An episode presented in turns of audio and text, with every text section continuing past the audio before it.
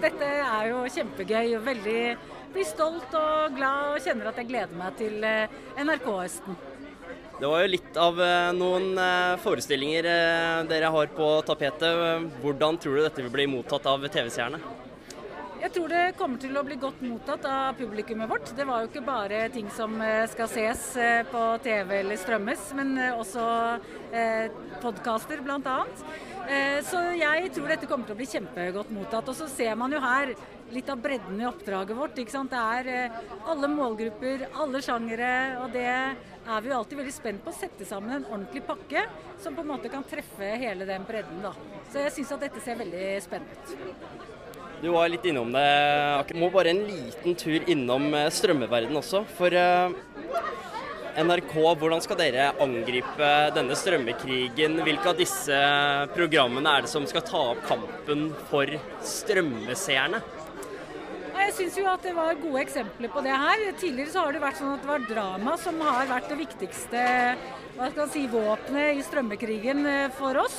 Og det er jo nå sånn med disse tre titlene her med Kuppel 16, Etterglød og Flus, så tror jeg at det kommer til å være serier som treffer litt ulikt publikum, men som kommer til å treffe eh, ganske bredt og gjøre en god jobb eh, for NRK TV.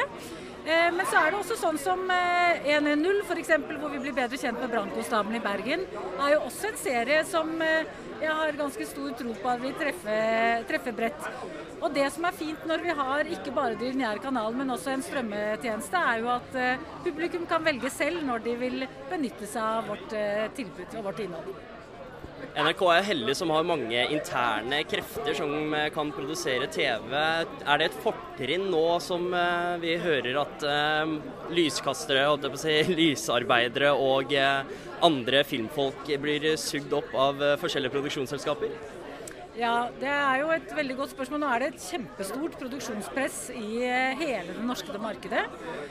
Og Det betyr at vi som alle andre jobber litt med å hente kompetanse og folk så har vi veldig sterke og gode interne fagmiljøer. Men det er jo sånn at vi er ikke bemannet for, å, for alle, liksom alle typer innhold hele tiden. Så det vi pleier å gjøre, er jo å satse på at når vi setter i gang prosjekter, så har vi en del interne medarbeidere, men vi har jo også henter inn ekstern kompetanse. Så den miksen mellom internt og eksternt, eh, tror jeg eksternt produsert innhold er veldig bra. Eh, flere av de seriene som eh, vi har sett i dag, er jo produsert av andre eh, produksjonshus enn NRK. Så den miksen der, den tror jeg på, og det skal vi fortsette med.